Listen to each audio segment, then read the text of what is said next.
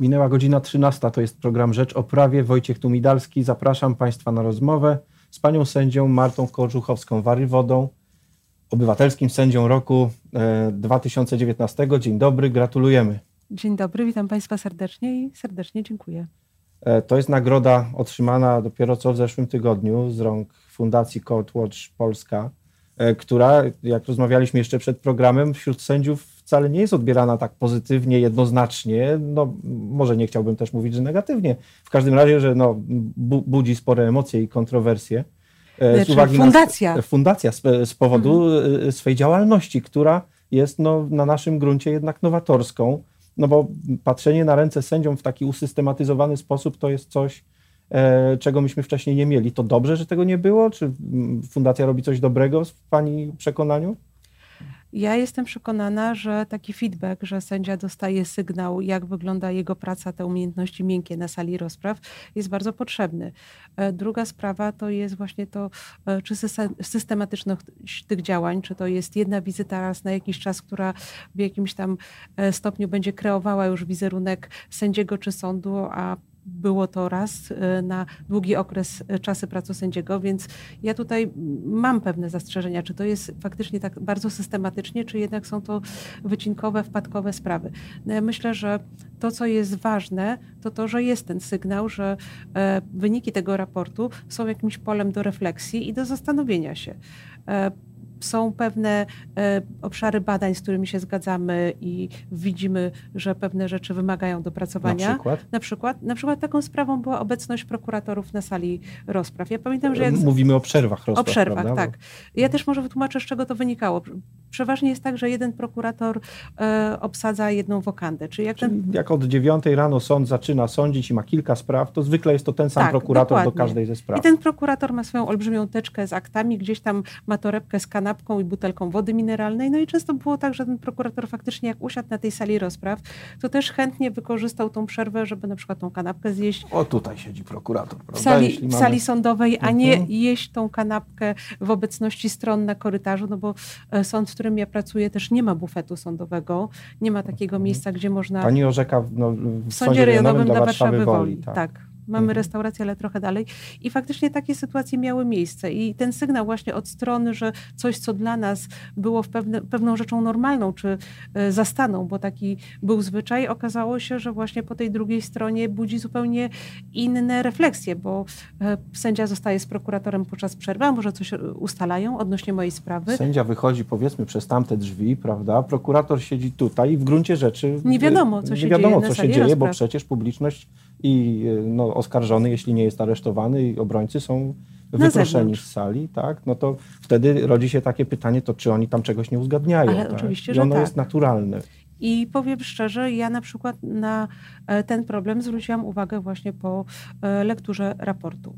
Moje kontrowersje czy zastrzeżenia budzi na przykład sposób badania terminowości wywoływania spraw, bo tutaj chyba te statystyki są dla nas najbardziej niekorzystne i moim mhm. zdaniem krzywdzące, ponieważ ja rozumiem i zgadzam się, że ktoś bada terminowość, czy ja pierwszą sprawę o dziewiątej wywołuję punktualnie, czy 15 minut, czy dłużej spóźniam się, bo jeszcze jem kanapkę, rozmawiam, czy parkuję samochód, ale co innego jest, jeśli ja kolejną sprawę wywołuję... Mamy już trzecią sprawę. Trzecią i czwartą, mhm. bo często stoję przed takim dylematem, czy przerwać świadkowi i wezwać go na kolejny termin, mhm. bo chcę kolejną sprawę wy, wywołać punktualnie, albo stoję przed takim problemem, czy skoro przeprowadziłem cały przewód sądowy, to ogłaszać wyrok i poświęcić czas na ustne motywy, czy dla trzymania porządku, wywołania każdej sprawy odroczyć, tak? punktualnie, tak? odroczyć ogłoszenie wyroku. A wiadomo, że jeśli odroczę ogłoszenie wyroku, to już strony być może nie przyjadą, nie wysłuchają ustnych motywów, orzeczenie będzie mniej zrozumiałe, a dla mnie będzie wiązało się to na przykład ze sporządzeniem pisemnego uzasadnienia. I to jest problem, na który też y, pani sędzia McCormick, obecna na konferencji, zwróciła uwagę i podała przykład amerykański. Tam wszystkie sprawy są wyznaczone na godzinę dziewiątą i po prostu każdy czeka na swoją kolej. I trzeba poczekać. I tak? trzeba poczekać. A nikt nie wie, ile sprawa potrwa. Dokładnie. Nie wszystko da się dobrze zaplanować. Tak? E, I takich, e, takich sytuacji myślę, że jest mnóstwo. Czytałam e, różne wypowiedzi, różne fragmenty ocen obserwatorów i powiem tak była sytuacja, o której ktoś z takim negatywnym zabarwieniem napisał, że sędzia wybuchnęła śmiechem. No są sytuacje, proszę Państwa, na sali rozpraw, gdzie ja przygryzam wargę prawie do krwi, żeby zachować mhm. powagę, bo te sytuacje to, to jest życie po prostu. Mhm. Nie da się tych komicznych sytuacji po prostu uniknąć na sali rozpraw. Czy wtedy jest... należy wytłumaczyć, co się stało i, Myślę, i tak. przeprosić za, za, za, ten uśmiech i zapewnić, że to nie mhm. będzie miało żadnego wpływu na Myślę, moje podejście do, do, do faktów i do prawa, tak? Mi się często zdarza w jakiś sposób wtedy też po prostu rozładować sytuację, czy mhm. na chwilę y, troszeczkę odejść od głównego tematu. Y, są też sytuacje, na które też zwraca Kortosz uwagę, na przykład, że przy, przy, y, sąd przerywa świadkowi. Tam był faktycznie podany taki przykład, może nie do końca stosowny, kiedy sędzia miał użyć słowa, że prywatne życie świadka go nie interesuje, ale to jest znowu ta sama sytuacja. My mamy na wokandzie sześć czasem siedem spraw. Goni nas czas, gonią nas kolejne sprawy, a są strony, które czasem chcą nam powiedzieć naprawdę historię swojego życia. Mhm. I to są często też te sytuacje, że te procesy to jest całe życie tych stron.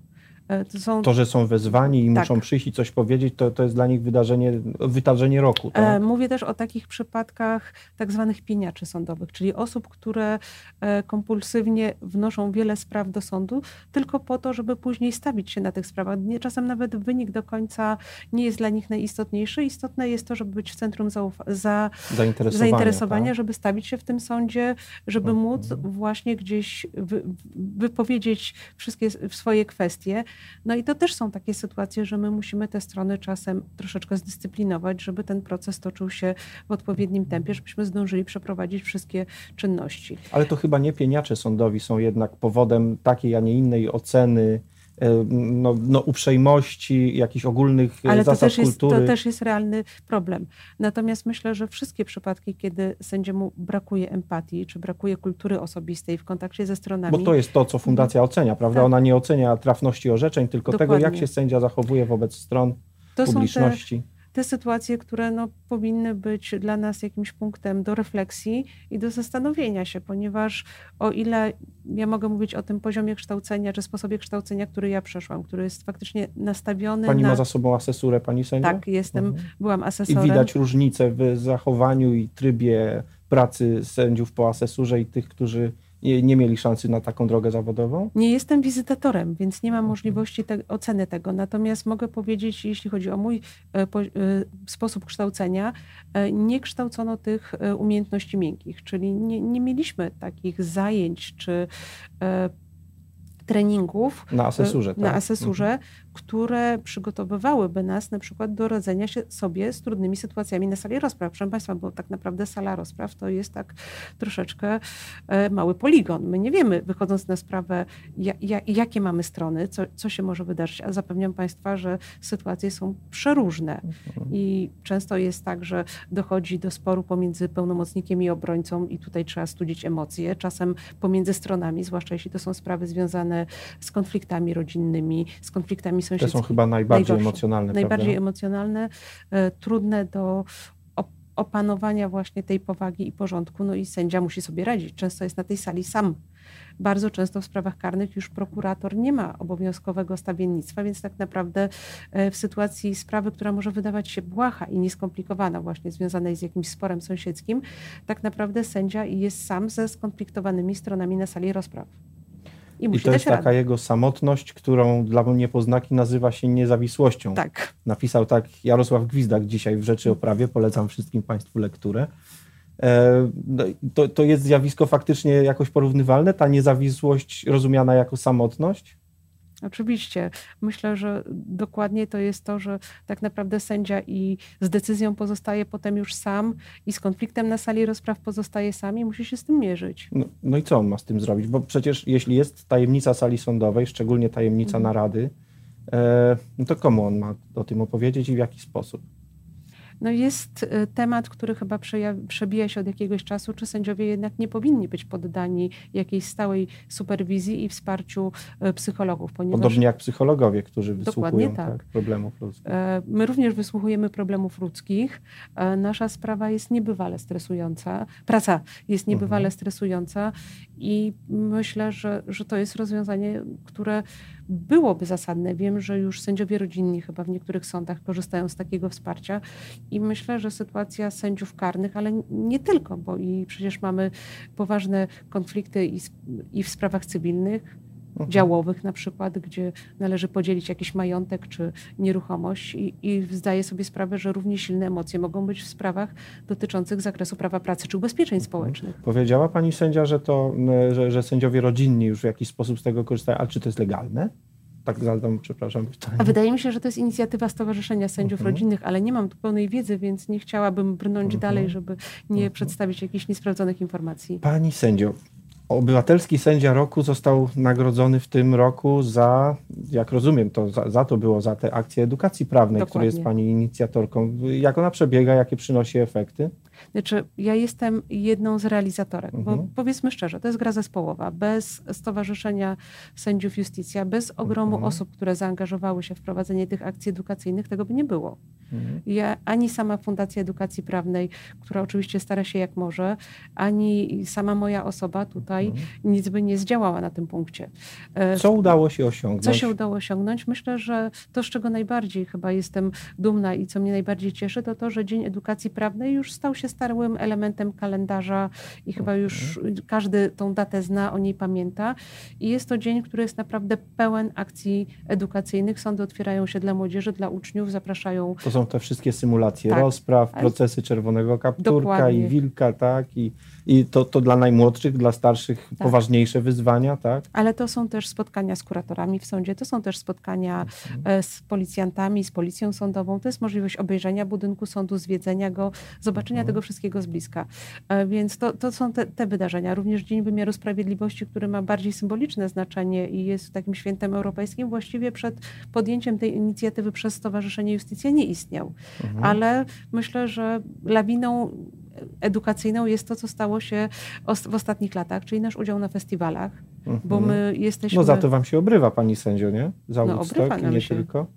No ale e, to są te akcje, które chyba budzą, e, gdzie mamy dostęp e, naprawdę do olbrzymiej rzeszy młodych ludzi i żaden dzień edukacji czy wyjście do szkoły mhm. nie daje nam szansy na tak olbrzymi kontakt z młodymi ludźmi. I... Skoro już pani wspomniała, pani sędzio, że mhm. feedback jest ważny, czyli informacja zwrotna, jak to się przydaje, to, to co Fundacja Court Watch daje sędziom, to co z kolei sędziowie słyszą od uczestników takich akcji?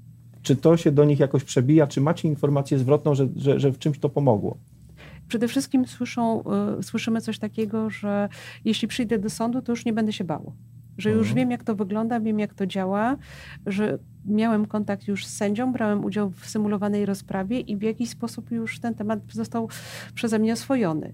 Myślę, że świadoma młodzież to jest też mniej takich przestępstw, które popełnia najczęściej młodzież, czyli z niewiedzy, z głupoty, z przypadku. Mhm. Więc myślę, że to i zaprocentuje w tą stronę. Ale ja nie skończyłam jeszcze akcjach edukacyjnych, bo Bardzo to nie, nie tylko festiwale e, rockowe czy muzyczne, ale w tym roku targi książki, festiwal Aha. nauki e, na Uniwersytecie Warszawskim, gdzie e, moje koleżanki z oddziału warszawskiego przeprowadziły wspaniałe akcje edukacyjne, zaprosiły naprawdę wspaniałych gości i myślę, że były to jedne z ciekawszych zajęć.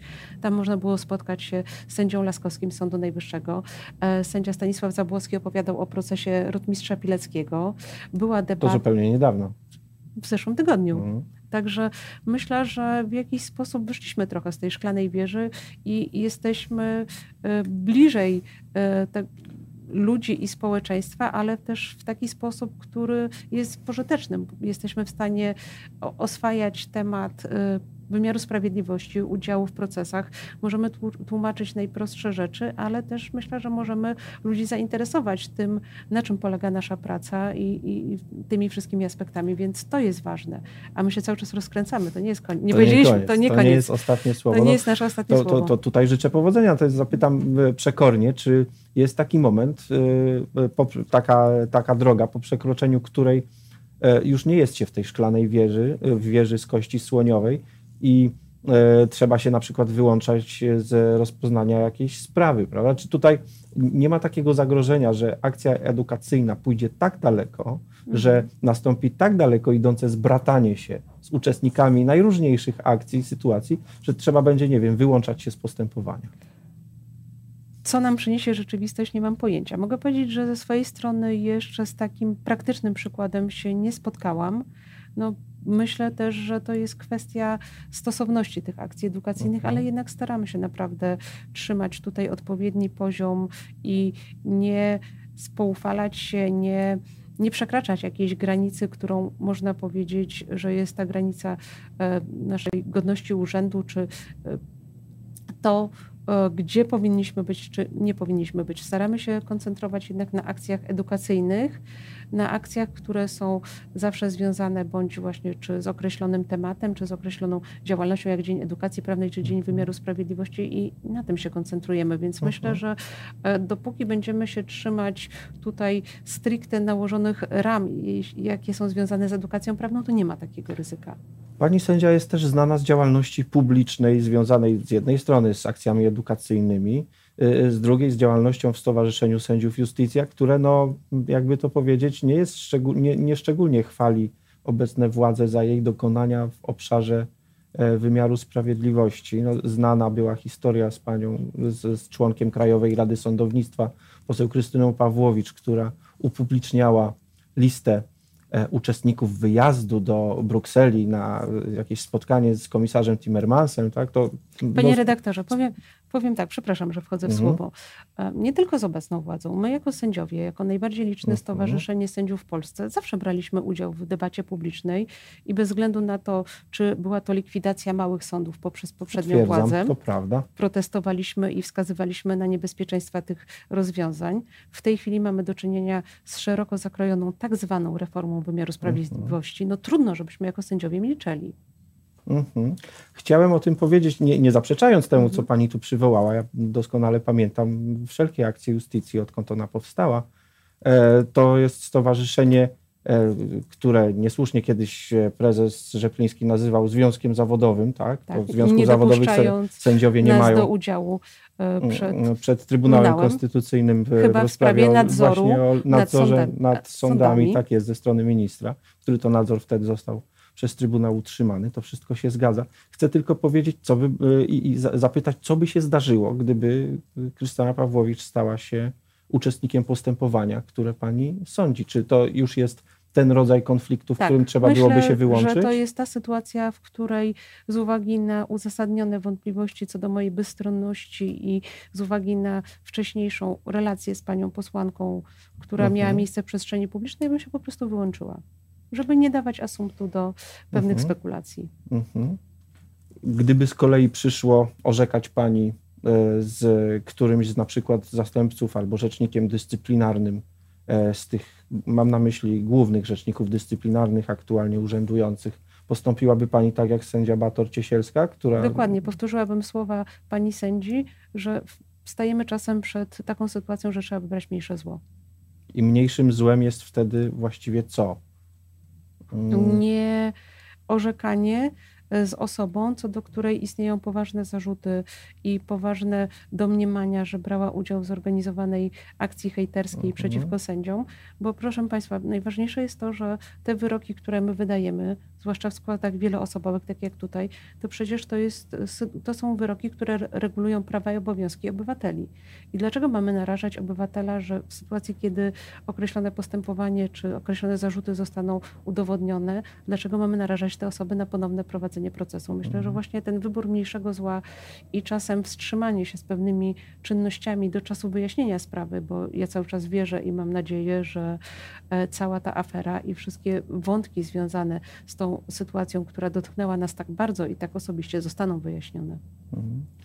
Co ma obywatel, obywatelski sędzia roku 2019 do przekazania aktualnie rządzącym, gdy chodzi o warunki pracy w rozumieniu nawet niekoniecznie takim czysto kodeksowym prawa pracy, ale e, e, podstawy do orzekania, czyli przepisów, na mocy których e, w tej chwili znaczy myślę, pracuje. Że tutaj ważne są warunki pracy, bo my Czy one cał... nie są godne jeszcze? Nie? Sposób pracy, papierowe akta, mhm. E, przestarzałe systemy komputerowe, to wszystko wpływa na to, że my pracujemy długo i nieefektywnie. Czyli nie ma informatyzacji? Ta informatyzacja jest, ale myślę, że poziom programów, na których e, pracuję, e, jest jeszcze gdzieś na początku lat 2000 czy nawet 90. Nie mamy cały czas centralnej bazy orzeczeń sądowych. Ja, żeby w wykonawstwie podjąć jakąś decyzję, czyli zarządzić komuś wykonanie kary, muszę e, ściągać z odrębnego miasta w Polsce papierowe akta i w XXI wieku tracę na to czas. A co się dzieje, jeśli na przykład sąd w myśli Bożu te akta wysłał do wyroku łącznego do sądu w Bielsko-Białej? Ja na te akta czekam jeszcze Warszawa dłużej. nic nie wie. Także ja bym powiedziała Oj. tak, nowoczesność, wsparcie y, wykształconej, odpowiednio wynagradzanej kadry pracowniczej i asystentów sędziów i odpowiednie narzędzia do pracy. Ja troszeczkę mam porównania. Mam ze sobą pracę w korporacji i myślę, że programy, na których pracowałam właśnie e, przed 2005 rokiem były bardziej nowoczesne i użyteczne niż system kurendy sądowej. Mm. Droga władzo wykonawcza i ustawodawcza, masz coś do załatwienia, apelował obywatelski sędzia roku. To była nasza rozmowa z e, Martą Korzuchowską-Warywodą, sędzią Sądu Rejonowego Warszawy Woli. Wojciech Tumidalski, dziękuję za uwagę. To był program Rzecz o Prawie. Dziękuję bardzo.